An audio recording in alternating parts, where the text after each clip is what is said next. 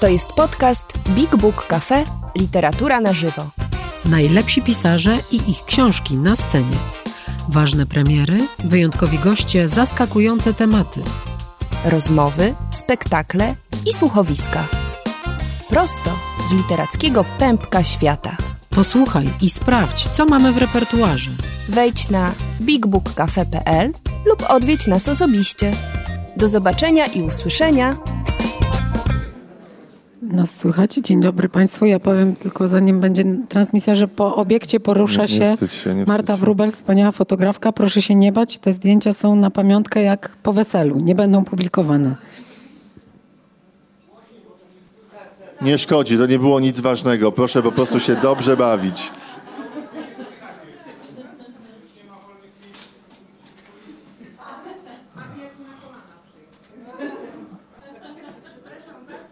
Czekamy na połączenie z Woronicza, żeby rozpocząć transmisję, więc Dobrze, mamy czas. Brawa, brawa. Super.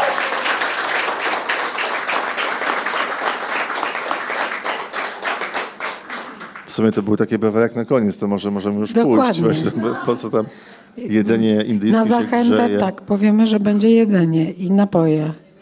Dzisiejszy wieczór sponsoruje Pejak Pieróg ukraiński, wykonany przez panie z Ukrainy, które nam zrobiły świetne pierogi wegańskie i wegetariańskie. Z indyjskiego farszu Ale- jest y, tofu oraz ziemniaki. Dokładnie. Też, tak. Ale cebulka też. To jest ten staple food Wszystko indyjski. znakomicie. I jeszcze będą inne akcenty kulinarne prosto z Indii. Także warto zostać i się przemęczyć tę godzinkę.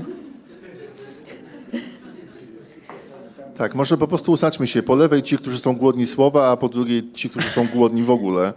Będziemy wiedzieli, w jakiej kolejności się żegnać z państwem. No i jak tam iPhonik? Mewo? Czyżby mewo? Technologia tak zawsze. To może być Ale możemy- rakieta albo Sputnik, dlatego jest ten... A może my zacznijmy, Julia włączy, jak już technologia się namyśli. Dobrze. Dobrze. To po prostu będzie bez transmisji, prawda? Wtedy ktoś może nagrywać nielegalnie, a potem wrzucimy to na YouTube'a. Notabene w Indiach y, kupowaliśmy takie sobie płyty CD nielegalne, nagrywane w kinach i było widać dwie czyjeś głowy i ekran w oddali. To było dosyć popularny sposób na e, zapoznawanie się z kinem e, hollywoodzkim, rzadko zresztą obecnym w indyjskich Może kinach. od tego zacznijmy, jak łamałaś prawo w Indiach. To będzie na pewno ciekawe. O, tak się zastanawiałam, jaki masz pomysł na tę rozmowę, którą już odbyliśmy 10 lat temu. Dobrze. Dobrze. Naprawdę, tak? Zaczynamy? No to dobry wieczór Państwu. Dawno nie widziałem tyle osób na żywo. To jeszcze raz poprosimy o brawa. Dla Pauliny Wilk tym razem. Dobry wieczór, bardzo dziękuję, że wszyscy Państwo przyszli. To jest naprawdę super. Warto było znawiać książkę, żeby Was wszystkich zobaczyć. Tak właśnie myślałem o tym, jak tutaj dzisiaj jechałem, że 10 lat temu, kiedy ta książka się okazywała po raz pierwszy, to byłaś taką skromną, początkującą pisarką, która dopiero wkraczała na rynek, a dzisiaj proszę bardzo. Nie wszyscy się mieszczą, po prostu.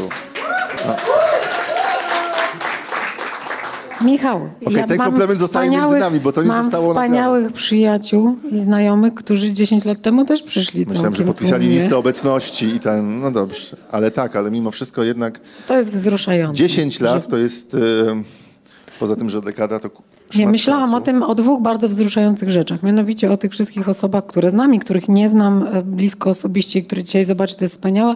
Oraz o takim drugim osiągnięciu tej dekady. Mianowicie spróbowałam dzisiaj, czy mieszczę się w spódnicy, w której byłam 10 lat temu w obiekcie znalezionym. Mieszczę się. Także to jest dopiero coś. Z tego chyba nawet jestem Przerobiła się na spodnie szybko, dumna. potem nie, to nie. Tak, tak, A, tak. okej, bo myślałem, że... Nauczyłam się cerować i pastrygować w międzyczasie. Ale wiesz, to byłoby super ciekawe, gdybyś się ubrała dokładnie tak samo jak na premierze. Miałam 10 lat taki temu. plan. Miałam nawet taki przewrotny plan. Moja starcza pamięć by tego nie odnotowała, ale niezależnie od tego, gratuluję Ci tego wyzwania, które podjęłaś, no i tego, że udało się wznowić e, książkę. Nowa wydawczyni Lalek w ogniu powiedziała, że bardzo jej zależało na tym, żeby ta książka się ukazała, bo po prostu jest inteligentna, interesująca i mądra. Myślisz tak? o- Nie, nie wyda, wydawczyni też, ale I co książka. ja mam teraz tak, tak. powiedzieć? Em, Michał odnosi się do Hanny Mirskiej-Grudzińskiej, która tutaj siedzi i patrzy na nią z czułością i wdzięcznością.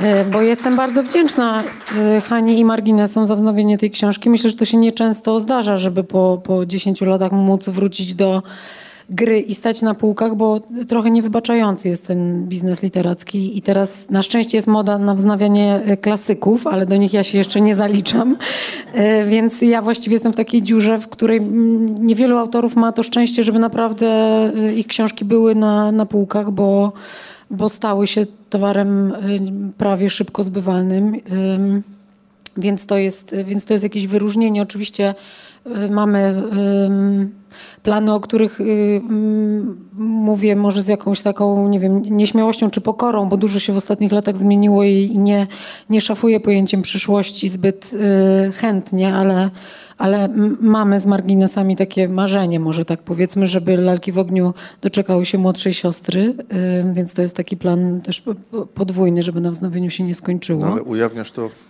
we wstępie, to, to nie jest jakaś tajemnica. Oczywiście, ale tak, y, no, y, jak pisałam książkę o, przy, o miastach przyszłości parę lat temu, to śmielej sobie w ogóle wyobrażałam czas przyszły, a teraz y, no, rzeczywistość mnie, mnie nauczyła takiej dużej ostrożności, pewnie nas wszystkich. A co do lalek w ogniu, to no, cieszę się z tego, że, że, że ta książka chyba, ym, co też się potwierdziło w pracy z Adamem Pluszką, redaktorem tej książki, który dał jej takie, takie y, odświeżenie, y, że ona wydaje się mieć y, dzisiaj sens i wciąż oddawać y, może jakieś najistotniejsze prawidła tej indyjskiej codzienności, bo chociaż tam się bardzo dużo oczywiście zmienia, y, to jednak te zmiany wydają się do, dotyczyć takiej scenografii, jakichś, jakichś jednak po- powierzchownych wymiarów y, życia. Natomiast to, czego ja chyba szukałam wtedy pisząc, tak sobie próbuję to przypominać po latach, to były jednak jakieś odpowiedzi na, na duże pytania, na takie pytanie, o co w tym wszystkim chodzi, jak, jak te relacje się kształtują. I chyba myślę sobie, że być może jakimś, jakąś taką tajemnicą, y, w cudzysłowie długowieczności tej książki jest to, że ona też długo powstawała, że jej nie napisałam szybko i może dlatego udało się troszkę głębiej zajrzeć i to jeszcze się trzyma. No i Indie wciąż istnieją. No tak. A to nie jest, a wiesz, to taki żart, ale myślę sobie trochę smutny, bo ym, jeszcze mam nadzieję, że do Indii można wracać i, i mam nadzieję spakować plecak niebawem. Ale wiele miejsc, które odwiedzałam nawet w międzyczasie, stały się takimi niedostępnymi obszarami na mapie. I ja w ogóle dzisiaj o podróżowaniu i oglądaniu świata myślę e, bardzo inaczej niż wtedy.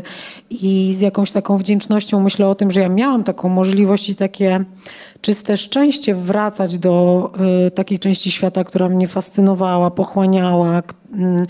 I robić to jako osoba, która dorosła w takiej epoce zachwytu nad y, światem, który może być pozbawiony granic, jako osoba, która y, poznawanie innego i rozumienie innego widziała jako jakiś kluczowy element własnego człowieczeństwa i w ogóle swojej historii życiowej. Myślę, że to coś bardzo pokoleniowego i coś, co teraz biorąc też pod uwagę wydarzenia ostatnich lat czy ostatnich kilku tygodni, postrzegam jako przywilej, ale być może jako cechę ery y, przechodzącej do historii. Dlatego, dlatego o tym mówię z jakimś takim też pewnie wzruszeniem, że wydaje mi się, że nie ma nic oczywistego w tym, że można podróżować po świecie i że można się zbliżać do ludzi głęboko innych i mieć taki czas na, na ich studiowanie, bo też naprawdę wiele krajów, do których pojechałam, wiele miejsc dzisiaj jest dosłownie zamkniętych już y, niedostępnych. No, myślę o Aleppo, myślę nie wiem, o miastach chińskich. Niedawno byłam na Sri Lance, która z dnia na dzień pogrążyła się w gigantycznym kryzysie i pewnie dzisiaj już nie, nie byłoby dobrym pomysłem tam jechać. Także no, takie ruchome piaski.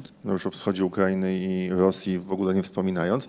Proszę Państwa, chyba tak się stało w czasie tych kilku minut, że udało nam się zorganizować e, uruchomienie transmisji. Nie wiem, czy tak jest. Tak, jest kciuk w Dobrze, to górę. teraz chciałbym, byśmy raz jeszcze oficjalnie powitali tych, którzy dołączyli do nas na Facebooku i pokazali wszystkim, którzy są z nami właśnie dzięki mediom społecznościowym, że tutaj w Big Book Cafe na warszawskim Mokotowie po tym, jak pandemia została odwołana jednym podpisem e, chyba prezesa Rady Ministrów czy ministra zdrowia, nie wiem, któregoś z Wszystko tych, mi jedno. któregoś z tych wybitnych, wybitnych intelektualistów zebrało się tutaj mnóstwo fantastycznych osób. Raz jeszcze oklaski poproszę. Dziękuję, dobry wieczór Wam i dobry wieczór wszystkim, którzy na nas patrzą. Dołączyli Państwo już oficjalnie do nas, do Pauliny Wilki, Michała Nogasia i wszystkich, którzy są w Big Book Cafe na premierze po 10 latach, właściwie na premierze drugiego wydania Lalek w ogniu, książki, którą, Pauli, którą Paulina wydała na początku drugiej dekady XXI wieku. Z tego wstępu, który się mm, toczył trochę w transmisji, a trochę poza, chciałbym wrócić do jednego ważnego wątku, zanim porozmawiamy o tym, jak ta książka się rodziła. Większość z nas y, czytała ją pewnie w pierwszym wydaniu, ale mnóstwo jest tam tematów, do których warto wrócić. Mnie zainteresował ten wątek odświeżania książki przez redakcję. Co to znaczy odświeżyć książkę? W tym przypadku, bo nie wiem, co to w ogóle znaczy, ale w tym przypadku to znaczyło, że redaktor Adam Pluszka, któremu się nisko kłaniam, przeczytał ją, stwierdził, że się z grubsza nadaje i zrobiliśmy y, razem z pomocą znakomitej również badaczki Indii taką, takie, no właśnie lifting powiedziałabym. To znaczy zostały usunięte różne jeśli, by, jeśli była taka potrzeba, jakieś językowe, nie, nie, niefortunne sformułowania. Spojrzeliśmy jeszcze raz y, z uważnością na to, czy właśnie nie ma tam jakichś zdezaktualizowanych informacji, jakieś drobiazgi chyba aktualizowaliśmy, ale to była naprawdę kosmetyka i, i indologiczne informacje też jeszcze były y, ponownie y, sprawdzane po latach i, i jakieś tam doprecyzowania nastąpiły, ale to są zmiany naprawdę niewielkie. O tym, jak się Indie zmieniły w ciągu dekady, to na pewno dzisiaj porozmawiamy, nawet jeżeli nie miałaś okazji tam w ostatnich latach i miesiącach pojechać z powodu pandemii. Ale teraz dokopmy się do początków. E, ta książka powstawała, jak powiedziałaś, przez kilka lat i wzięła się z czego? Z fascynacji, z przypadku, z tego, że twoi przyjaciele, którzy byli na wymianie studenckiej w Indiach, napisali do ciebie przyjedź do nas z kosztu Indii. Jak to było, Paulina? Ja myślę, że ona lubi myśleć o, o niej w ten sposób, że ona się wzięła z życia, z takiej poważnej miłości do tego miejsca i z długotrwałej relacji i w tym sensie towarzyszyła jej jakaś czystość intencji, y, co ja w sumie w historii powstania tej książki bardzo cenię, bo ja nigdy nie jechałam jako reporter na temat. Y, tutaj na sali y, są również moi wspaniali redaktorzy z Rzeczpospolitej, którzy wiedzą, że ja w zasadzie nie jechałam nigdy po jakąś konkretną historię. W ogóle nie lubię takiej pracy. Prawdę mówiąc, niespecjalnie wierzę w takie opisywanie świata, bo to jest y, co z, też z wielkim zachwytem przeczytałam w jednej z rozmów z Wiesławem Myśliwskim w tym nowym zbiorze W środku jesteśmy baśnią. Ja też nie chcę wiedzieć, co mi się przydarzy, jak piszę i nie, nigdy nie robię bardzo precyzyjnego planu pisania. I trochę z tą książką było tak, że ja po prostu do Indii jeździłam. Jowita jest tu na sali, jest Jowita, moja siostra, która, bez której w ogóle nie byłoby tej książki, nie byłoby Indii w, moich życiu, w moim życiu. W ogóle bardzo mi so, samą siebie trudno sobie wyobrazić bez tych wszystkich doznań, które bardzo głęboko w nas są, bo to Jowita studiowała indologię yy, i była tam yy, na stypendium. Ja przyjechałam ją Mm, e, odwiedzić, a właściwie wiesz co, szukałam jakiegoś ciekawego sposobu na spędzenie czasu w życiu, bo studiowałam nieciekawy specjalnie wydział, niespecjalnie ciekawe studia, byłam już dziennikarką i szukałam jakiegoś dobrego zajęcia dla siebie i tam sobie znalazłam pretekst do pisania pracy magisterskiej i wspaniałe było myślę to, że ja do Indii nie weszłam jak turystka, tylko weszłam właśnie jako młodsza siostra indolożki i jej świetnego przyjaciela Michała Panasiuka, który dzisiaj zajmuje się Indiami naukowo. E, I oni byli moimi mądrymi przewodnikami i cierpliwie odpowiadali na milion pytań, na które, jak dzisiaj już wiemy, nie ma w ogóle odpowiedzi. I oni mnie zabrali z takich utartych ścieżek od razu trochę w głąb tej rzeczywistości. A, a, ta, a ta praca nad, nad pracą magisterską też była wspaniała, ponieważ trzeba było przeczytać tonę opowieści, badań, głównie dotyczących życia kobiet. A życie kobiet i dzieci to zawsze jest fenomenalny barometr tego, jak sobie jakieś społeczeństwo radzi, jak się rozwija. I to w każdym, w każdym państwie można sobie poczytać po, takie podstawowe dane na temat tego, jak radzą sobie kobiety i dzieci. I to, to świetnie mówi, na jakim etapie rozwoju cywilizacyjnego dane miejsce w świecie jest. Więc e, oba te Oba te powody były, były fajnym sposobem, żeby od razu się zanurzać. I zresztą wspaniałe w indologach jest to, że oni mieli taki lekko wyższościowy i niechętny stosunek do wszystkiego, co turystyczne. I jak widzieliśmy ludzi o naszym kolorze skóry, to odwracaliśmy się na pięcie i uciekaliśmy na drugi koniec miasta.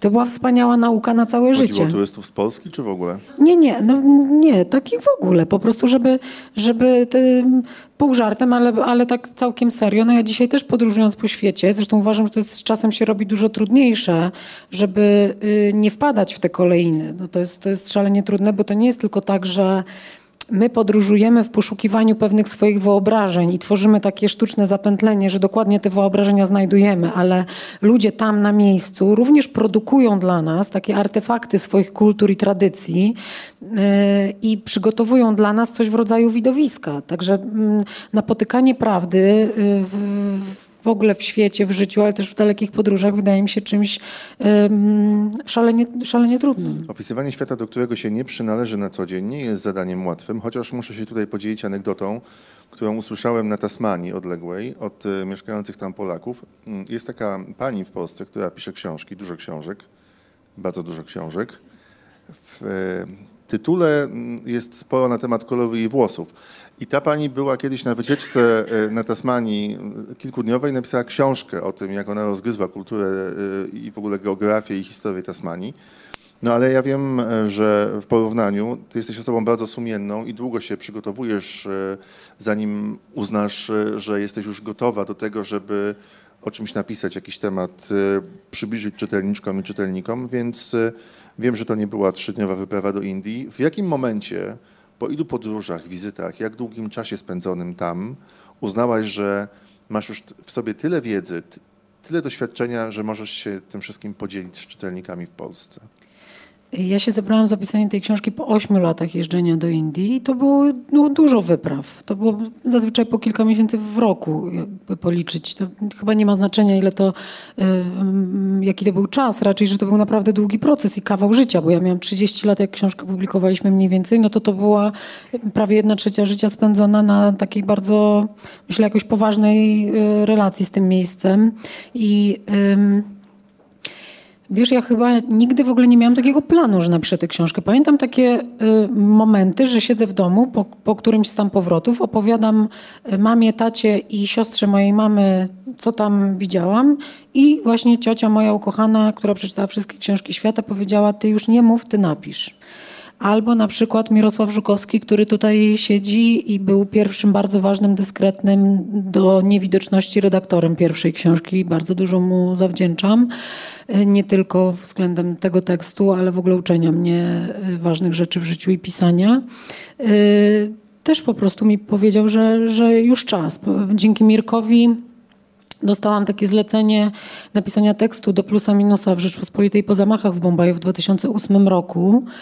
Y, To Mirek poszedł do redaktorów tego dodatku i powiedział, że to ja powinnam napisać tekst po tych zamachach.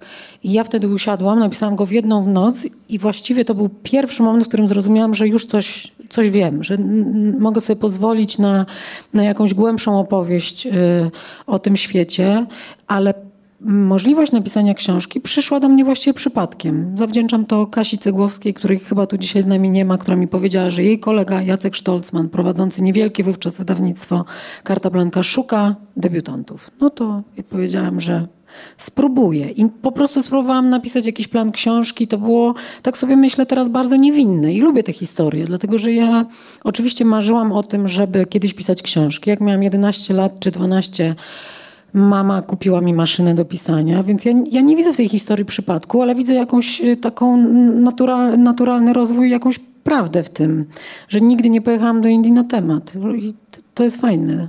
To jest dobre uczucie. Chciałbym pozdrowić moich rodziców, którzy też mi kupili maszynę łucznik A i jaką? znosili to walenie. Łucznik. Ale walizkową, czy nie? No tak, walizką. No, ja też miałam Taką, że tak waliłem na, na, namiętnie jako młody człowiek i oni znosili to wszystko. Przecież to było... No właśnie, ja też się dziwię. Ja jeszcze paliłam papierosy w swoim pokoju, waląc tę maszynę i nie wiem, udawałam, że oni... 12-latka, Ustalmy to, tak? Bo to... Okej. Papierosy jako czternastolatka.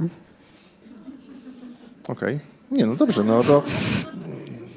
trochę takim Hemingwayizmem teraz zaleciał. Ja myślę, ale... że tak, że to było jakieś takie bardzo smutne wyobrażenie, że literaci muszą palić, bo inaczej nic z tego nie będzie. Rozumiem, dobrze. Ale teraz jeszcze odnosząc się na chwilę do samej genezy i procesu powstawania tej książki. Mm, pamiętam, opowiadałaś to 10 lat temu, ale e, wspomnienie na ten temat także znalazło się w tym wstępie, w przedmowie, więc myślę, że to też jest bardzo ważne, by przypomnieć e, wszystkim, że ta książka, no to pisanie to był proces, nie tylko, że zajmował wiele lat, ale nie odbywało się tylko w Polsce. Pamiętam, mówiłaś mi kiedyś, że kiedy byłaś w Indiach i już e, wiedziałaś, że książka powstanie, to właściwie wiele takich prywatnych momentów, kiedy miałaś chwilę, to siadałaś gdzieś, czy na chodniku e, w którymś z miast, czy w hotelu, w którym akurat przebywałaś, czy w jakiejś małej kawiarence i notowałaś. Po prostu chciałaś, żeby to było także stamtąd bezpośrednio przywiezione. W ogóle większość tej książki powstała w Indiach, bo ja uważam, że Indii się nie da zapamiętać, ani ich sobie wyobrazić, ani ja na przykład jak zamykam oczy, to ja nie jestem na ulicy w Kalkucie. To znaczy wiele rzeczy mogę sobie przypomnieć, ale uważam, że to jest rzeczywistość tak odmienna, tak intensywna, tak złożona, że ja oczywiście wykonałam e, tę taką chorobliwą, pracochłonną, nie wiem, taką drogę przeszłam, żeby zwozić Indię po kawałku do domu. I mam te wszystkie gadżeciki, tam Ganesia jest, prawda? Jakby różne rzeczy przywoziłam stamtąd, mając nadzieję, że muzykę przywoziłam z Indii, rozmaite przedmioty, które myślałam, że trochę, y, trochę przetransmitują mi ten świat na co dzień, bo naprawdę miałam takie okresy bardzo głębokiej tęsknoty. Yy, i właściwie z czasem to zaczęłam sobie radzić w ten sposób, żeby starać się za dużo o tych Indiach tutaj po prostu nie, nie myśleć, jednak tutaj się zakorzeniać, e, ale nie da się ich tak naprawdę przenieść. I ja w ogóle bardzo lubię też... Przepraszam, miałaś pokusę, żeby się wyprowadzić do Indii? Nie, nie, nie. E, miałam taki moment w życiu, kiedy na, na, przez e, chwilę poważnie rozważałam również z prywatnych powodów, to, czy mogłabym żyć tam i może pracować jako korespondent. Zastanawiałam się, ale nie było takich realnych możliwości. Nie, to już był czas, kiedy polskie media raczej nie, nie tworzyły placówek, a nie ta, na pewno nie w tak y, w sumie nieistotnych geostrategicznie dla Polski miejscach jak Indie, więc właściwie nie, nie myślałam o tym nigdy na, na poważnie. A im bardziej w ogóle jeździłam po świecie, tym bardziej rozumiałam, że jestem stąd i że jednak lubię wracać. Um, ale ja dlatego właściwie myślę, że 98% tej książki napisałam w Indiach. Jakiś kawałeczek y, powstał tu w Warszawie, ale, ale niewielki. Ja właściwie robiłam tak, że aż się sobie dziwię, bo pracowałam z żelazną dyscypliną, dlatego że redaktor Jacek Lutomski, który również jest obecny na sali, mój e, ówczesny szef działu kultury Rzeczypospolitej, łaskawie wypuszczał mnie na podrygi e, takie reporterskie na 3-4 tygodnie.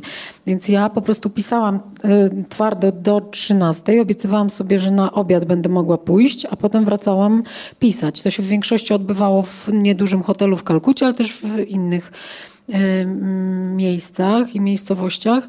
I ja nie miałam bardzo dużo czasu, ale pamiętam, że Y, jakoś tak chodziłam bardzo dużo w przerwach między, pisa- między pisaniem. Czyli sobie sama ufundowałaś takie stypendium pisarskie. Tak, tak sama sobie ufundowałam, a w międzyczasie jeszcze wracałam, pisałam teksty do gazety, żeby zarobić na życie z tych wyjazdów, także to było takie samo nakręcająca się. Zresztą wielu polskich reporterów tak musi pracować, bo nie ma takich luksusów, żeby, żeby można było być wysłanym na, na temat. Chociaż muszę powiedzieć, że ja mam przyjemność pracować teraz w kwartalniku Przekrój, w którym zdarzyło mi się największa ekstrawagancja i szczęście reporterskie, czyli wyjechałam kilka lat temu na trzy miesiące w sierpniu do Indii, żeby zrobić reportaż o deszczu monsunowym i patrzyłam sobie przez trzy tygodnie na deszcz. Także Fajnie było bardzo. Yy, no, czyli pisałam tam, naprawdę. I tam to, to było strasznie, strasznie fajne i bardzo, bardzo pomocne. Ale pamiętam taki wzruszający moment, bo znalazłam ostatnie zdanie do książki. To nie było ostatnie zdanie, które napisałam, ale je znalazłam, więc wiedziałam, że już dojeżdżam do brzegu jakoś. I poszłam na taki spacer yy, po starej Kalkucie. I szłam w tłumie Hindusów i patrzyłam sobie na nich z takim cichym uśmiechem i poczuciem pamiętam taką myśl, miałam w głowie, nareszcie was mam, bo dla mnie tak naprawdę ta książka była właściwie osobistą sprawą, taką próbą sprawdzenia, czy to ja coś zrozumiałam z tego, czy te lata podróżowania i takiego, takiej nauki tych ludzi w ogóle coś przyniosły. Myślę, że w jakimś sensie oddziaływanie tej książki i to, że ona trafia do, do wielu osób jest y, jakoś oparte chyba na tej takiej szczerości, no nie wiem, dziewczyny, która po prostu tam przyjechała bez przygotowania. Coś, y, coś mnie tam trafiło, utkwiło między żebrami i po prostu próbowałam to zgłębić. I pewnie stąd też się wzięła jakaś, nie wiem, bezpośrednia, niewydumana próba y, opisania tego. Tak, może dlatego ona trochę jest dla każdego, ta książka. Nie przeprowadziliśmy na potrzeby naszego dzisiejszego spotkania żadnego testu ani badań statystycznych, ale myślę, że są wśród nas na sali i przed ekranami komputerów i telefonów osoby, które po lekturze Lalek w ogniu e, udały się do Indii, chociaż na chwilę. Są takie osoby z nami tutaj? Dzięki. O, jest jeszcze jedna osoba, wspaniale, czyli dwie. E, ty wspominasz o tym, że ta książka przez niektórych została przyjęta jako zaproszenie do Indii, a przez innych jako przestroga przed Indiami.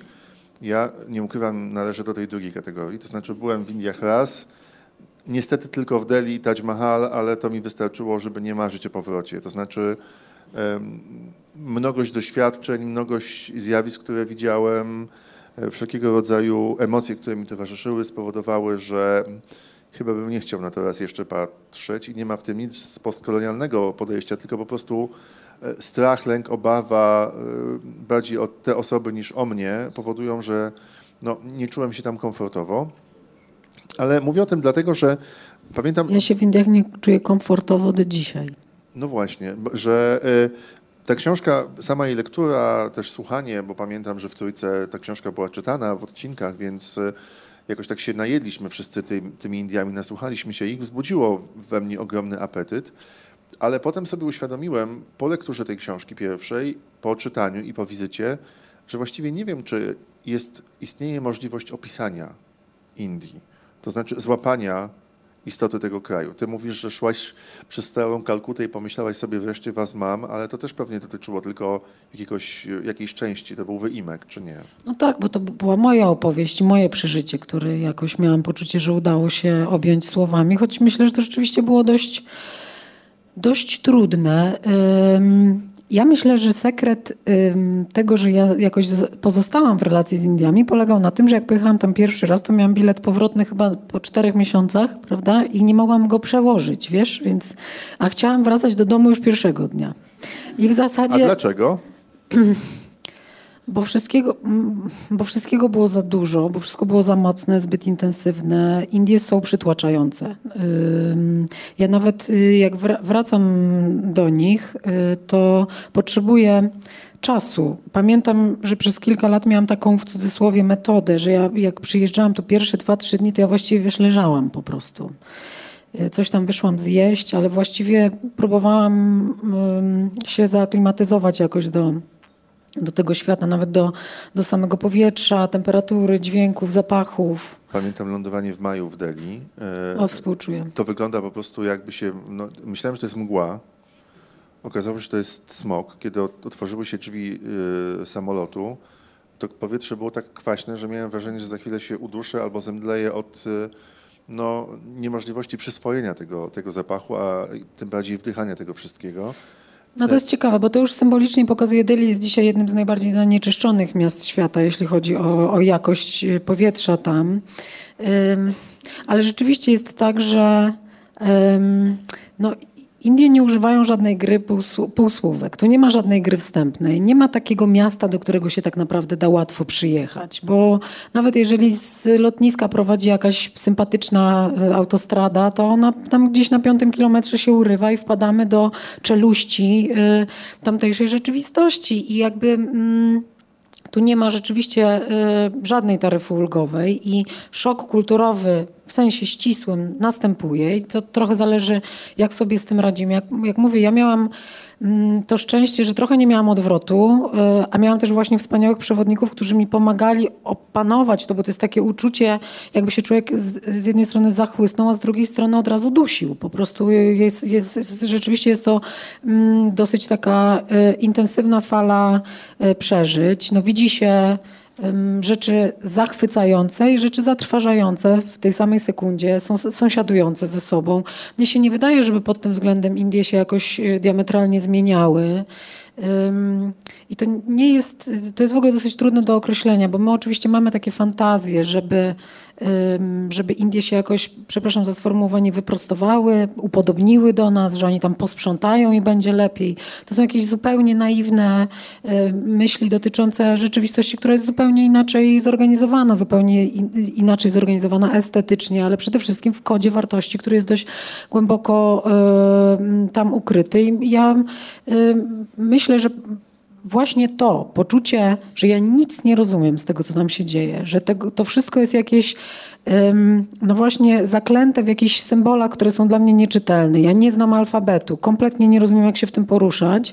We mnie to ożywiło, wiesz, taką, taką ambicję, żeby się jednak dowiedzieć, żeby się przez to yy, przegryźć. Oczywiście, że mi się to nie udało, no bo o czym my mówimy? My mówimy o książce, która jest, jak Tomek Stawiszyński pięknie powiedział, no, taką grą z um, antropologią codzienności, ale to dla mnie, dla po prostu ciekawej, um, wrażliwej osoby było dostępne, no bo Indie się pokazują, leżą na ulicy, Hindusów jest za dużo, szczególnie w miastach, w związku z czym ogromna część życia, łącznie z intymnością, łącznie z czynnościami fizjologicznymi, jest dostępna dla obserwatora, który jest jakoś, nie wiem, z odpowiednim wyczuciem porusza się po, tej, po, po, po tym świecie. Więc to jest coś, co ja mogłam zrobić. Natomiast y, uważam się za osobę, która absolutnie nie przeniknęła takich najbardziej i, i ukrytych, i tajemnych, najbardziej chyba skomplikowanych wymiarów y, indyjskiej rzeczywistości. Mówię o duchowości, o wierzeniach, o filozofii, ale także pamiętajmy, że najwyższe warstwy społeczne w Indiach się dosyć y, skutecznie ukrywają. To znaczy, ja nie byłam w wielu bardzo zamożnych domach, ja nie widziałam bardzo wielkich pieniędzy z bliska, y, a to są ludzie, którzy do, do, do, do mm, tradycji, do rytuałów przywiązują szczególną wagę i są dzisiaj bardzo ważnymi obrońcami y, też takich konserwatywnych postaw. To jest coś, co ja bym jeszcze chciała zobaczyć, ale to jak w Indiach wędrują pieniądze, jak się przenosi władza, no to jest trudniejsze do zaobserwowania. Ale ta przepaść między biedą, skrajną biedą, dosłowną biedą, o której piszesz w książce, że naprawdę bardzo wielu y, mieszkańców Indii po prostu nie ma niczego poza własnym ciałem i ewentualnie kubkiem albo miską, żeby napić się wody, do tych ogromnych pieniędzy, miliardów rupii, czy dolarów, czy euro, to chyba ten dystans, ta, ta przepaść się powiększyła w ostatnich latach, prawda? Tak, powiększyła się. Zresztą, no, jak, jak wiemy, ona się powiększa również w Polsce. Cześć piesku. Yy, ona się powiększyła w bardzo wielu krajach świata. Pandemia akurat temu też nie, nie, nie pomogła, tylko, tylko zubożyła yy, naj, najbiedniejszych, a pomogła się bogacić tym, którzy już do, by, byli dotychczas silni. Indie mają jedną z największych w ogóle na świecie grup yy, miliarderów y, dolarowych i ta grupa rośnie. I to jest taka specyficzna ekonomia, która pozwala bogacić się jednostkom, bardzo konkretnym rodzinom, no, natomiast to się w żaden sposób nie przenosi na zwiększanie dobrobytu tak zwanych szerokich mas społeczeństwa. I ten słynny trickle-down efekt, który miał nastąpić na skutek liberalnego rozwoju gospodarki, okazał się oczywiście obietnicą kłamliwą. I w tej chwili... Mm, Gospodarka Indii nie jest w najlepszej formie. Y, kiedy ja jeździłam do Indii, zanim powstała ta książka, to Indie były trochę beniaminkiem świata. No bo o czym my mówiliśmy? O gigantycznej gospodarce, o gigantycznej młodej populacji, która dzisiaj jest bardzo młoda. Przepraszam, bo nie pamiętam tych danych bardzo dokładnie w tej chwili, ale bodaj 40% y, Hindusów y, nie ukończyło 25 roku życia dzisiaj. W związku z czym właściwie mówiło się wtedy o indyjskim społeczeństwie jako o takim E, takim społeczeństwie, które będzie pracowało w globalnej ekonomii i będzie miało na nią gigantyczny wpływ. No, nie widzę, żeby się to działo, bo trzeba by było te osoby wykształcić, jakoś wyposażyć też w kompetencje, które na globalnym rynku mogą być potrzebne. Mm, y, a to się, to się po prostu nie, nie odbywa i wydaje mi się, że to jak Indie w tej chwili są rządzone, to też jest takie symptomatyczne, że y, kolejne Kolejne rządy y, obiecują zwykłemu człowiekowi y, poprawę losu, która nie następuje. Tutaj na chwilę się wtrącę. Dodajmy, że twoja książka powstawała zanim do władzy doszedł Modi, prawda? Tak, I Modi doszedł. ta wielka polityczna reforma e, Indii, którą niektórzy e, uważają, że można w jakimś sensie porównywać do narodzin autorytaryzmu miękkiego. No nie trzeba jej porównywać. Myślę, że tak trzeba by ją po prostu chyba nazwać. E, Na, Narendra Modi doszedł do władzy w 2014 roku, zresztą w bardzo ciekawy sposób, właśnie łącząc taki taki, taki kon- konserwatywny, tradycjonalistyczny przekaz y, z offsetem socjalnym. No to jest oczywiście świetny pomysł praktykowany przez różnych dyktatorów historii, jak Czyli wiemy, to, i żeby Indie wstały z kolan też, tak? To Tak, jest Indie też miały być y, wielkie ponownie. Nie do końca wiem, do którego y, okresu wielkości Modi nawiązywał, ale dużo tych złotych R mitologizowanych było, więc, więc mógł nawiązywać do różnych. On zrobił ciekawą rzecz, ponieważ też dzięki nowej technologii i nowym sposobom prowadzenia kampanii wyborczej wszedł bardzo głęboko w indyjską rzeczywistość, bo pamiętajmy, że to jest przede wszystkim kilkaset tysięcy wsi i właściwie kilka gigantycznych metropolii, trochę dużych miast, ale to, co się właśnie nie dzieje, to w sumie nie dzieje się taka zorganizowana, dobrze zaplanowana urbanizacja Indii, która byłaby potrzebna, żeby wydźwigiwać y, duże, duże grupy społeczne z y, ubóstwa. I on y, dosyć skutecznie zmobilizował obietnicą modernizacji Indii ludzi właśnie bardzo głęboko rozsianych na prowincji, a z drugiej strony fenomenalnie oczarował, co teraz ja może jestem, może jest taki moment, że, że wszędzie widzimy to ale Władimir Putin też miał takie, takie sukcesy. To znaczy on czarował po prostu elity Zachodu obietnicą, że zmodernizuje i zliberalizuje indyjską ekonomię i oni przyjadą i będą robili wielkie pieniądze bez tych koszmarnych trudności kulturowych, bez y, systemu prawnego i regulacji, które to bardzo utrudniały, ponieważ on był niezł- nieźle zarządzał stanem w, no, w którym ekonomia się świetnie rozwijała i wszyscy sobie tak ekstrapolowali takie wyobrażenie, że on to zrobi w całych Indiach. Oczywiście miał już takich krytyków, którzy studzili te, te ambicje już wtedy. No jesteśmy 8 lat później i wiemy, że Narendra Modi rządzi w sposób coraz bardziej autorytarny, nienawidzi wolnych mediów, chyba nie kocha kobiet, delikatnie rzecz nazywając. Nie, nie uczynił czyn, cudu gospodarczego nad Gangesem, choć go obiecywał. Nie, y, nie rywalizuje skutecznie z Chinami o to, które z tych państw będzie miało duży wpływ na, na tę szachownicę geopolityczną Azji Południowo-Wschodniej.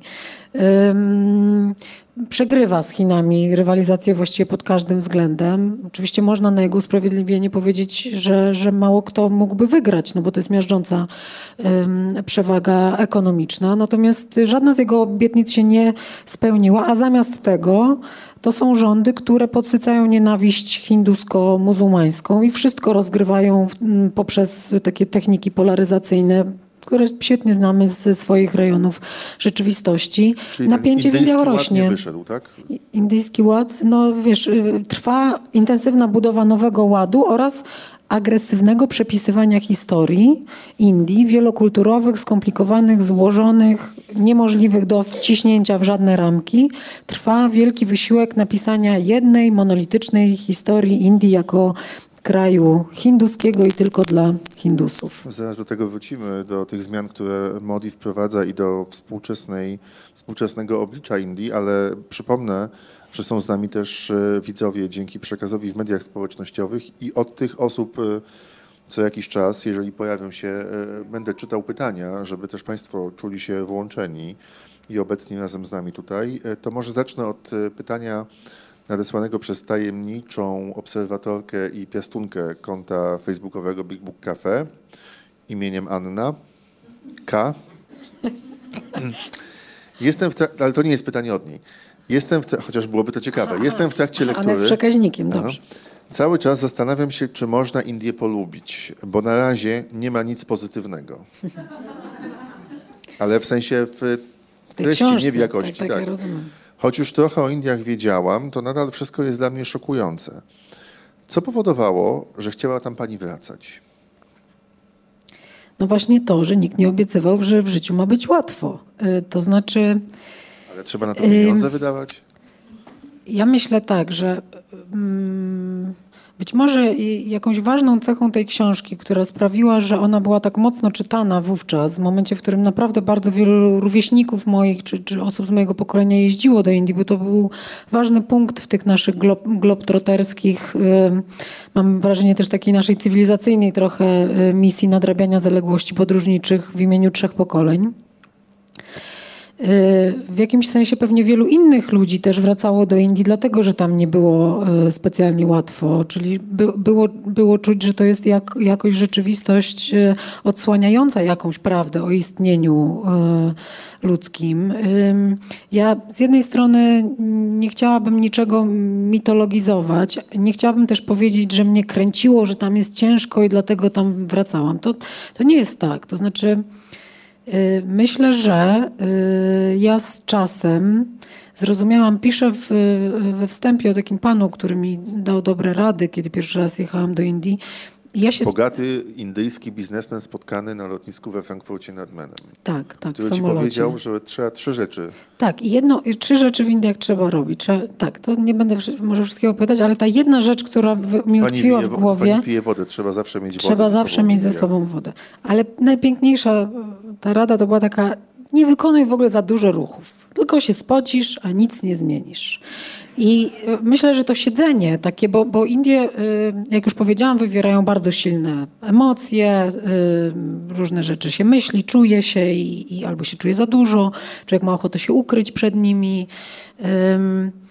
To myślę sobie, że najlepiej naprawdę jest usiąść i nic nie robić, poczekać chwilę, popatrzeć, po prostu opanować jakby pierwszą reakcję i być. Po prostu być i przyjmować Y, nie wiem, to co, się, to, co się widzi, to, co się objawia przed, y, przed naszymi y, oczami. I wydaje mi się, że to jest taki sposób, który pozwala też dostrzec piękno tych wszystkich sytuacji. To znaczy,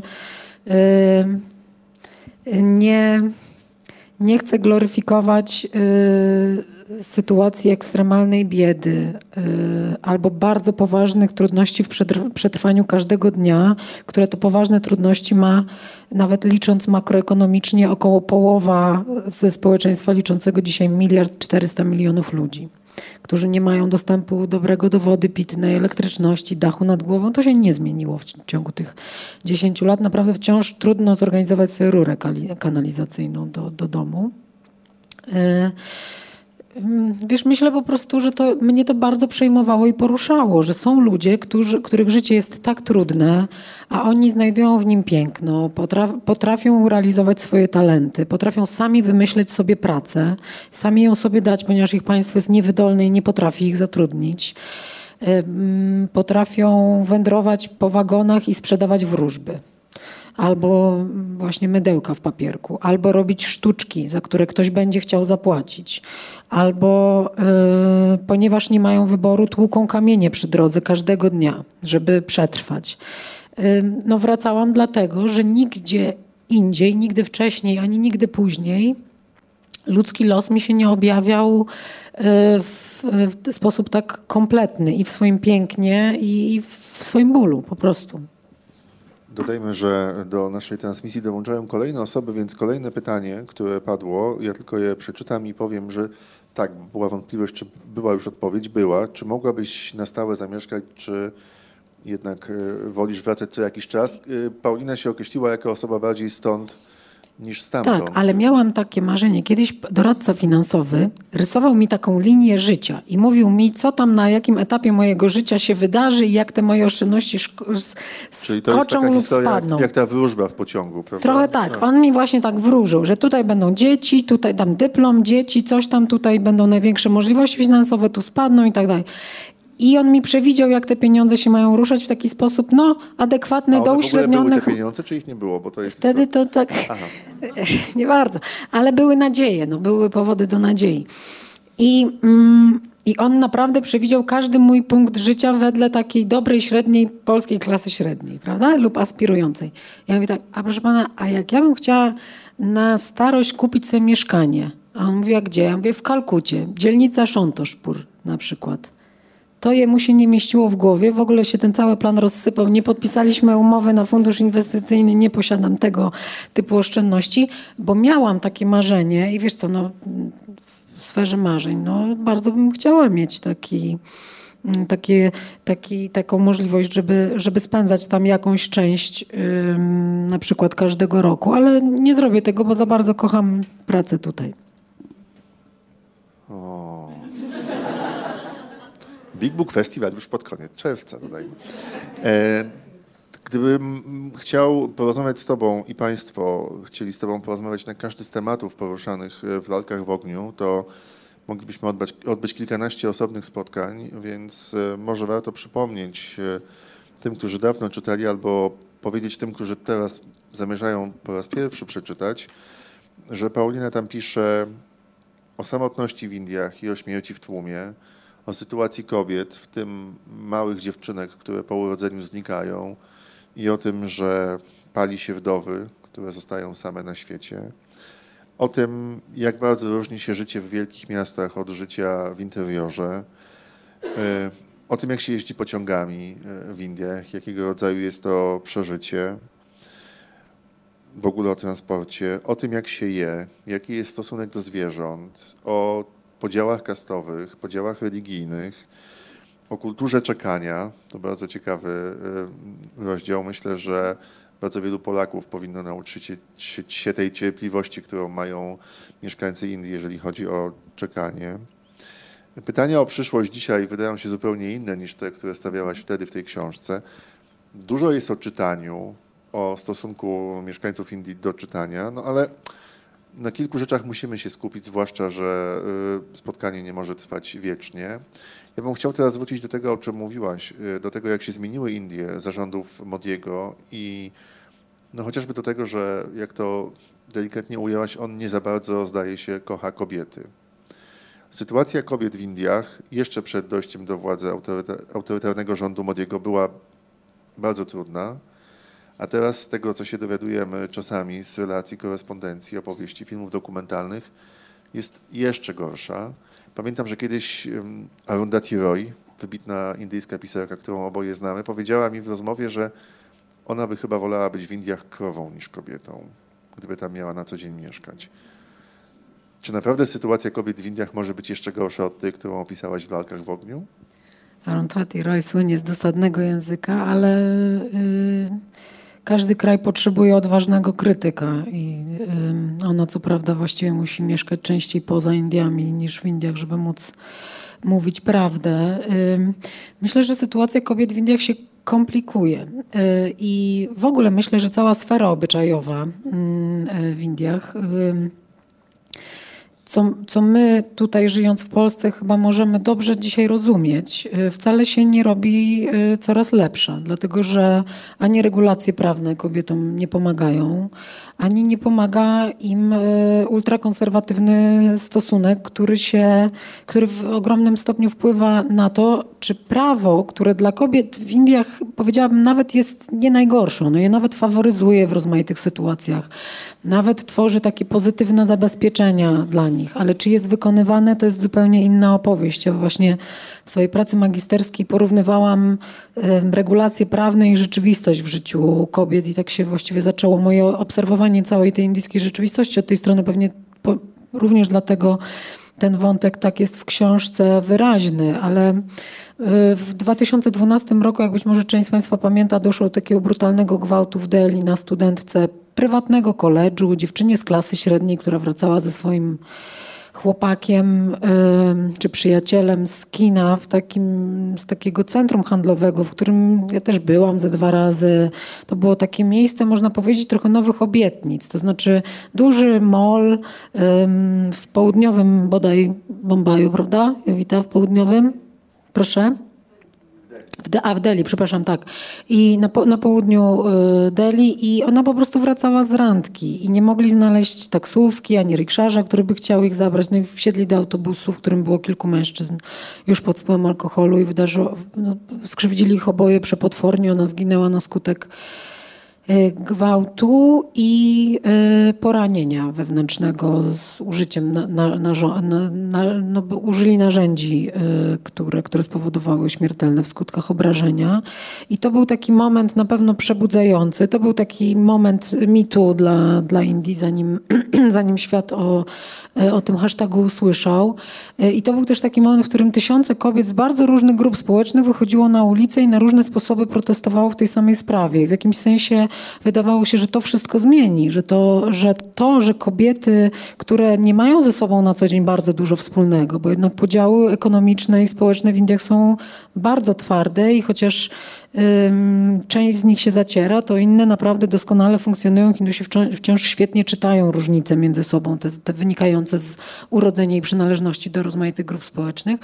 I że to musi, oczywiście obudziły się ogromne nadzieje, że to zmieni postawy, postawy sędziów. Y, wprowadzono różne takie ruchy, na przykład jak to, że na posterunkach policji musi, musi być kobieta policjantka, że kobiety, które przychodzą złożyć doniesienie o o gwałcie mogą e, liczyć na obecność kobiet, kobiet lekarek i tak dalej. To się z pewnością w wielu miejscach nie, nie wydarza. To też zależy, czy kobieta, która padła ofiarą gwałtu, e, należała do takiej czy innej grupy społecznej, czy była lepiej wykształcona, zamożniejsza, czy ma, że tak powiem, po swojej stronie mocniejsze postaci, czy słabsze. No pamiętajmy, że jeżeli do gwałtu dochodzi w małej wiosce, na całym świecie, nie tylko w Indiach, e, sprawcami przytłaczającej większości gwałtów są bliscy ofiary. Naprawdę bliscy. Sąsiedzi, członkowie rodzin, wujkowie, przyjaciele taty, brata. W związku z czym no, oczywiście ta bezsilność y, się potęguje, a jeszcze jeżeli się idzie na posterunek policji i próbuje się złożyć doniesienie wobec oficera, który jest na przykład wujkiem gwałciciela albo reprezentantem tej samej kasty, to jest się przegraną. Oczywiście y, nie chcę powiedzieć, że to jest sytuacja jednoznacznie zła, bo, bo powstają w Indiach i rozwijają się NGOsy, które kobiety wspierają. Ta świadomość rośnie. rosną statystyki, e, czyli rośnie liczba kobiet, które zgłaszają te przestępstwa. To są wszystko zmiany, można powiedzieć, w jakimś sensie dobre, bo wiemy, że one są częścią bardzo długiego, złożonego procesu wychodzenia z e, takiego, z takiej sytuacji, w której e, ofiarę otacza milczenie. No, to jest wiadomo najgorsze, bo, bo nie rodzi żadnych szans na zmiany, ale ale pamiętajmy też, że, że no właśnie Indiami od 8 lat rządzą ultrakonserwatyści, którzy przejmują coraz y, mm, poważniejsze obszary rzeczywistości. Ostatnio na przykład w południowym stanie Karnataka przez 30 lat rządzonym przez marksistów, teraz rządzą, rządzi skrajna prawica, która właśnie zabroniła dziewczynkom muzułmankom zakładać hijaby do szkół oraz y, jest jednym ze stanów, który chce zakazać y, małżeństw międzywyznaniowych. W związku z czym nawet nawet z miłości trudno będzie wziąć e, ślub w Indiach teraz. Trudniej zdecydowanie. Za chwilę o wierzeniach, o religiach i o, o tej całej trudnej sytuacji, ale jeszcze chciałem a propos e, poprzedniego wątku, kiedy mówiłaś o kobietach. E, rozumiem, że w ogóle o prawach mniejszości seksualnych to nie ma co mówić. Nie? nie? no jest co mówić, bo to też jest żywa dyskusja. No, homoseksualizm został, e, był, był nielegalny i karalny w Indiach. Nie jest już. To jest na pewno o, ogromna zmiana. Ale od dawna czy od niedawna? Od kilku lat jest, e, że tak powiem, nie jest nielegalny. Czyli to się wydarzyło jednak za rządów Modiego, który jest... O, nie, nie jestem pewna. Chyba tak. Mhm. Chyba tak. natomiast no, chyba na pewno tak.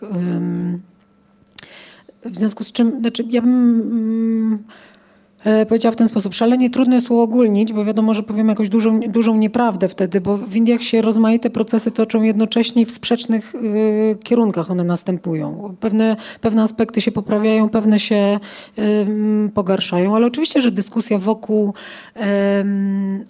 wokół poszanowania praw osób LGBT plus y, tam się również toczy. No przecież to jest y, bardzo zróżnicowane społeczeństwo, również bardzo progresywne, również posiadające y, duże grupy, które mm, żyją absolutnie w swobodzie obyczajowej. Naprawdę nie, nie, mm, nie da się tutaj jakby tego, tego w jakiś sposób zepchnąć do, do, do jednego wymiaru, no bo pamiętajmy cały czas, że mówimy jednak o rzeczywistości szalenie złożonej i jakby Hindusi żyją w rozmaitych konstelacjach, kochają się w rozmaitych konstelacjach, żyją y, czasami w ogromnym zakłamaniu, y, ale jednocześnie coraz więcej z nich się emancypuje. To znaczy no, nie jest wielki wielkim problemem znalezienie w Bombaju klubu, który jest przyjazny mm, tęczowym. Tak? Nie, y, nie mam żadnego problemu ze znalezieniem napotkaniem na ulicy y, czy w klubach właśnie ludzi, którzy żyją w, na przykład w homoseksualnych parach. No, są i, i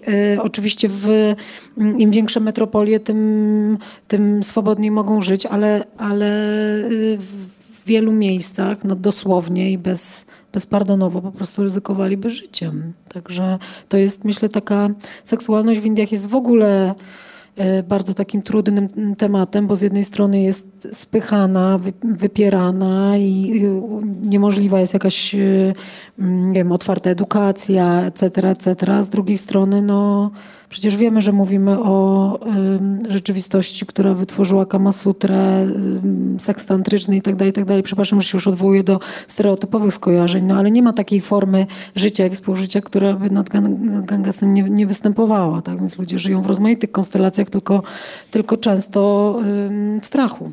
Już pomijam fakt, że jeżeli to jest miliard 400 milionów osób, to nawet statystycznie wiemy, jak dużą grupę stanowią Jasne. osoby należące do mniejszości. Ale znów dużo tu jest, bym tak powiedział, e, wątków wspólnych z naszą rzeczywistością. W ogóle, wiesz Michał, to jest uderzające, jak bardzo... Yy i indyjska codzienność i rzeczywistość, ona, ona jest y, szalenie podobna do naszej. Y, bardzo wiele rzeczy z takiego kodu wewnętrznego, najważniejszych wartości my mamy bardzo zbliżonych, na przykład, nie wiem, rodzinność, czy, czy figura matki w domu, funkcja karmienia, kochania przez karmienie, religia. Naprawdę tych podobieństw jest sporo, natomiast dla mnie w sumie uderzające jest to, jak wiele też jest podobieństw właśnie w sferze politycznej. To to jest wręcz szokujące jakich jest dużo, ale też y, na przykład samo to, że Hindusi przeżywali transformację społeczno-ekonomiczną wtedy, kiedy my i to MTV, i te jeansy, to wszystko jakby ten otwieranie się na świat, pożegnanie takiego, nie wiem, sentymentalnie urokliwego socjalizmu, który ich zamrażał y, jak, jak w bursztynowej kropli, nie dawał się długo rozwijać, ale miał pewien urok spowolnionego czasu. To naprawdę tych, tych odniesień y, nawet w rozmowie z przyjaciółmi naszymi w Indiach mamy sporo. Jeszcze jeden istotny, myślę, wątek to jest kwestia napięć związanych z religią, e, z tą całą strefą wyznaniową w Indiach. My żyjemy no jednak w kraju znacznie bardziej homogenicznym, jeżeli chodzi o, o właściwie wszystkie aspekty, ale tam za czasów Modiego, e, czyli w ostatnich latach, już po napisaniu przez pierwszej wersji tej książki, też doszło do bardzo wielu e, przykrych zjawisk i do niebezpiecz niebezpieczne procesy zostały uruchomione. Właściwie wygląda na to, że te napięcia między wyznawcami e, hinduizmu a muzułmanami i tak dalej, no to jest też sytuacja, która się zaognia, nie uspokaja.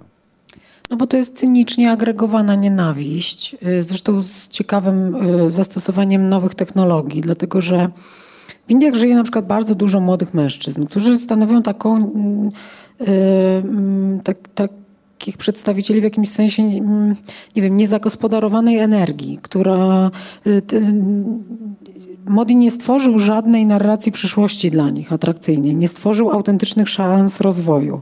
Mamy ludzi, którzy cały czas y, z jednej strony na przykład dostali do rąk y, potężne narzędzia w postaci internetu, smartfonów, tak? czyli są w jednoznacznej codziennej, w jednoznacznym codziennym kontakcie z wszechświatem możliwości, takim y, gigantycznym potencjałem tego, że mogliby być królami świata, tylko że nimi nie są. W dodatku, podobnie jak w wielu innych częściach świata, zostają w, tył, w tyle edukacyjnie wobec kobiet, które się kształcą bardzo intensywnie, doszkalają, rozwijają rozwijają, pracują, a, a oni trochę mają kłopot z tym, jak właśnie samych siebie osadzić w tej zmieniającej się rzeczywistości.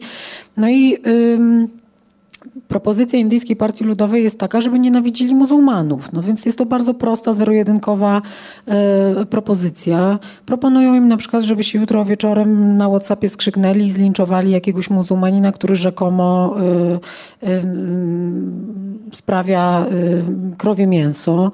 E, albo, albo e, powołują takie, takie, takich strażników obyczajowości na terenie wsi albo dystryktu, którzy właśnie sprawdzają, czy ktoś nie chodzi z kimś za rękę bez ślubu. Y, no można tak, tak, tak y, rzeczywiście organizować energię społeczną i to niestety jest dosyć skuteczny, choć wydaje mi się dość prymitywny sposób i, i on jakoś działa. Niestety jest tak, że partia Modiego idzie jak burza, wygrywa kolejne wybory w kolejnych stanach, czyli wchodzi coraz głębiej, bo rządy centralne to jest trochę jak w Ameryce, to jest inna opowieść niż rządy stanowe i rzeczywiście to, że im się udaje przejmować rzeczywistość na poziomie bardziej lokalnym i na przykład już przepisywać prawo właśnie na przykład w taki sposób, że już muzułmanin z hinduską ślubu nie mogą wziąć, to znaczy niby mogą, ale muszą trzy miesiące wcześniej publicznie ogłosić w urzędzie, że mają taki zamiar, no trzy miesiące to kupa czasu, żeby kogoś zastraszyć, prawda? Wiadomo po co takie prawo się wprowadza i de facto się uniemożliwia takie, takie związki w ten sposób, więc ta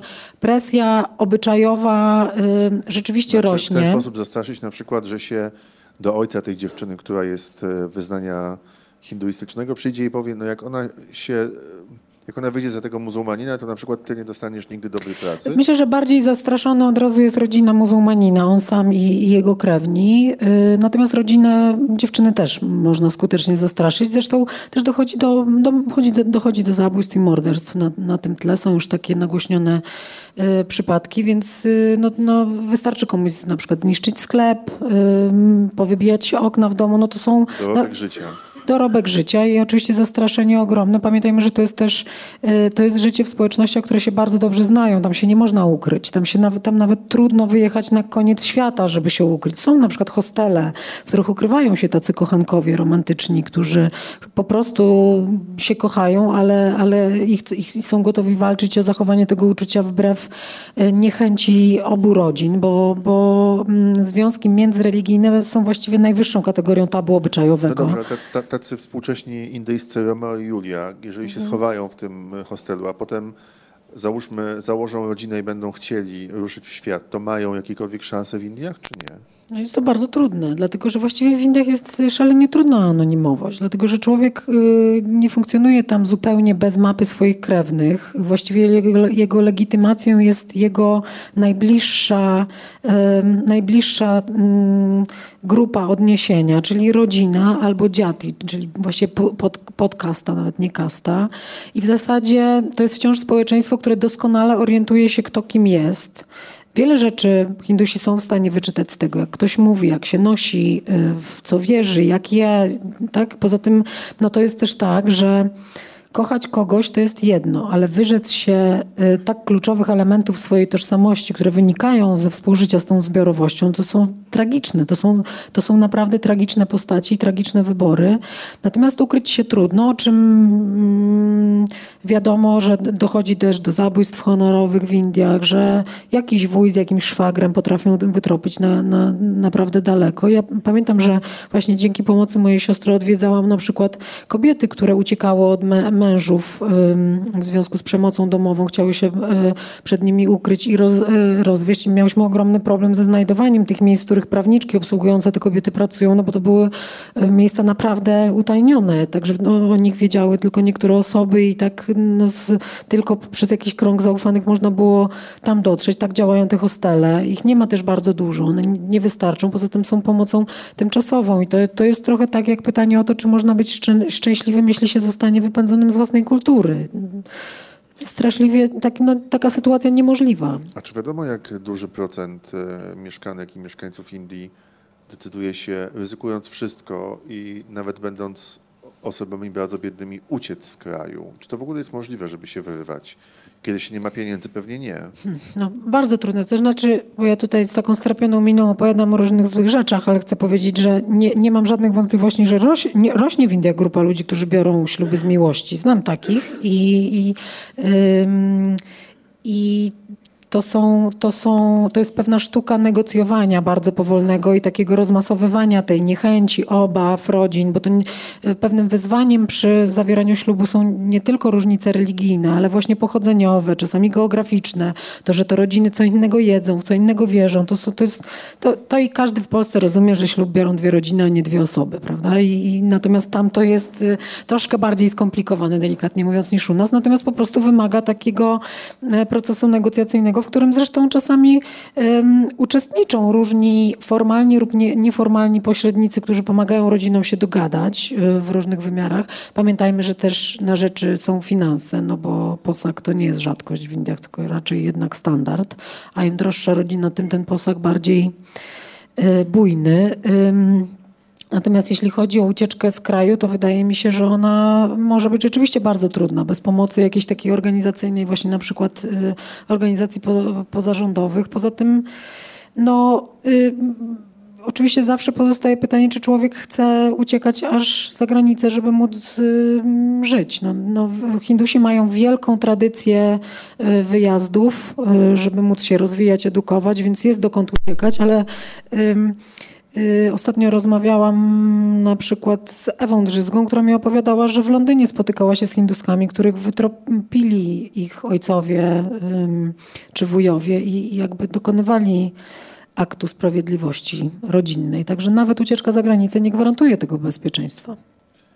Y, teraz, proszę Państwa, kuchnia naszego spotkania dzisiejszego. Umówiliśmy się z Pauliną tak, że ponieważ tutaj w Big Book Cafe jest nas naprawdę mnóstwo dzisiaj i pewnie każdy będzie chciał z Pauliną chwilę y, porozmawiać, zamienić słowo, też z innymi osobami się uściskać, to y, pytania od publiczności zostawimy sobie już po oficjalnej części spotkania w podgrupach. Natomiast y, oddamy jeszcze na chwilę przed pożegnaniem głos tym, którzy są z nami dzięki Facebookowi i mediom społecznościowym.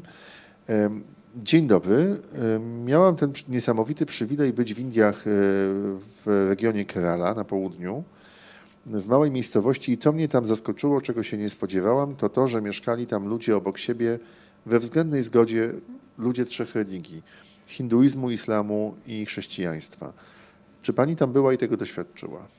Ja w Kerali pamiętam, że widziałam taką małą świątynkę, do której weszłam.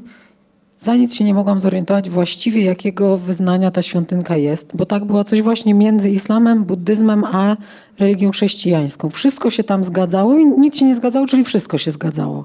E, więc ja, ja też miałam taką, takie dobre, e, dobre doświadczenie. Zresztą, no, umówmy się, to co w tej chwili robią indyjscy politycy jest po prostu cyniczną manipulacją w społeczeństwie, które z wielkim powodzeniem, w sposób absolutnie przepiękny i ujmujący, praktykuje współistnienie od tysięcy lat, a nie od lat ośmiu, odkąd jest tutaj pan Modi. Więc, yy, więc yy, ja w ogóle myślę, że indyjska rzeczywistość y, to są właśnie te miliardy niewydarzających się katastrof i miliardy codziennych cudów, tego jak, jak y, y, ludzie y, żyjąc w jednej wsi, czyli doskonale wiedząc, kim są, albo w wielkim mieście, kiedy niekoniecznie wiedzą tak dobrze, no jednak praktykują istnienie pomimo różnic bez najmniejszego z tym kłopotu. Tylko no, mm, wiemy wszyscy, jak, y, jak tą piękną ludzką zdolność do, do życia razem można, można skutecznie niszczyć. I na pewno Hindusi są teraz w jakimś takim poważnym, myślę, e, momencie zagrożenia, ale też wielu z nich się absolutnie na, na taki scenariusz e, zgodzi. Powiedziałabym, że nie tylko w Kerali, ale właściwie w każdym zakątku Indii doświadcza się przede wszystkim tego, co pani tak ładnie opisała. Jeszcze dwa pytania, przedostatnie. Czy jest coś w Indiach, oprócz nierówności społecznych, co ci się nie podoba? O, rany. Tak to zawsze jest, że y, nic nie chce przyjść y, na myśl. Y, w, słucham? W odpowiedzi. Nie no, ma, masa rzeczy mi się nie podoba. Chyba najbardziej nie podoba mi się to, jak... Mm, nie wiem jak to powiedzieć, w jak negatywny, stygmatyzujący sposób w Indiach czuje się kobietą. To znaczy to, że bycie kobietą e, jest jednoznaczne z poczuciem bycia zagrożoną tam. To, to jest uczucie, którego nie cierpię, które mi odebrało możliwość bycia w różnych miejscach e, tam, które mi po prostu kazało się bardziej bać niż zaryzykować e, które mi każe patrzeć głęboko w oczy każdemu rikszarzowi, z którym wsiadam do tej rikszy. To bardzo utrudnia sprawę, no ale kimże ja jestem, żeby narzekać, skoro setki milionów kobiet tam sobie z tym muszą codziennie radzić. Ja po prostu tego doznawałam przez, przez chwilę, ale jest mi bardzo smutno, że tak, tak wiele kobiet y, tam musi funkcjonować w takim napięciu, że wytwarzają dla siebie takie rozmaite kody, które, których nas na przykład od razu, jak tylko przyjechaliśmy do Delhi, koleżanki uczyły, jak, jak postępować w Delhi z transportem, do kogo wsiadać, do kogo nie wsiadać, co robić, jak się zabezpieczyć. I oczywiście dzisiaj też rozmaite takie sposoby istnieją. Więc to jest coś, co, co mi rzeczywiście e, bardzo doskwiera i jest mi też bardzo smutno. To jest konstatacja może banalna, ale jest mi strasznie smutno, jak Hindusi źle traktują psy, które, które ich tak strasznie, strasznie kochają. Wciąż. I na koniec pytanie, które z jednej strony jest przyparciem do ściany, a z drugiej strony wspaniałą klamrą dzisiejszego spotkania. Wróciło w pytaniu od e, widzów e, w internecie. Kiedy następna nowa książka i na jaki dokładnie temat? Nie wiem kiedy. Postaram się, żeby to się wydarzyło. chciałabym, chciałabym, żeby się wyda, wyda, po prostu wydarzyło, żeby się wydarzyło równie, równie prawdziwie jak, y, jak te lalki w, Indiu, w ogniu, chociaż nie chciałabym, żeby trwało może aż tak długo, ale żebym y, mogła mieć czas i możliwość powracania do, do Indii, żeby Indie pozostały miejscem otwartym i bezpiecznym, co wcale mi się nie wydaje dzisiaj takie pewne, więc y, tego, tego bym sobie życzyła. I jest, jest pomysł na, na, na książkę, taką właśnie siostrę trochę lalek w ogniu, żeby zająć się roz, rozmaitymi fenomenami Indii, takimi y, dużymi zjawiskami społecznymi, czymś, co jest trochę mniej uchwytne niż ta codzienność tutaj opisana, a co jakoś Hindusów łączy i też, też e, ogromnie wyróżnia. E, chciałabym spróbować się pomierzyć z takimi e, bardziej ukrytymi wymiarami właśnie tej rzeczywistości. Nie sądzę, żeby to było zadanie łatwiejsze, ale może jestem dzisiaj, nie wiem, właśnie trochę dojrzalsza, bardziej gotowa na to, żeby, żeby po tej pierwszej warstwie spróbować przecisnąć się, się głębiej, aczkolwiek myślę, że to może być trudne, dlatego że Hindusi z ogromnym trudem mówią o sobie, niechętnie opowiadają o stosunkach na przykład rodzinnych, a, a, chciałabym próbować e, takiego przenikania. No i nie wiem, czy premier Modi chciałby ze mną porozmawiać o tym, na czym polega sprawowanie rządów w tym kraju, ale chciałabym spróbować właśnie zająć się takimi wymiarami jak, jak duchowość, władza, pieniądze, zdrowie, cielesność, takie, takie może bardziej abstrakcyjne pojęcia, ale jednak przekładające się na to, jak, jak Hindusi ze sobą na co dzień żyją tak bardziej w środku. Czyli ta druga książka byłaby bardziej może o tym, co ukrywają, niż co, co, co tak bezpardonowo pokazują na co dzień. No dobrze, to będziemy trzymali kciuki nie tylko za wywiad z Modim, ale w ogóle, żeby te Indie się otworzyły dla Ciebie na nowo po, po tej przerwie wymuszonej pandemią i całym tym złem, które dopadło świat. Na razie można sięgać po wznowioną właśnie starszą siostrę, Lalki w ogniu, opowieści z Indii, Pauliny Wilk, po dekadzie znowu do przeczytania, po liftingu, odświeżeniu, e, wyczyszczeniu rzeczy, które dzisiaj może należy zapisać inaczej albo inaczej się na nie patrzy. Polecamy Państwu bardzo serdecznie. Dziękując za to spotkanie w imieniu Big Book Cafe, wydawnictwa Marginesy i wszystkich przyjaciół oraz samej autorki. Przepraszam, jakaś pilna uczennica w czwartym rzędzie się zgłasza jednak. Słuchamy. Można już, można już wręczać kwiaty. Bardzo dziękujemy i pozdrawiamy. Ja bardzo Dobranoc. dziękuję. Dziękuję.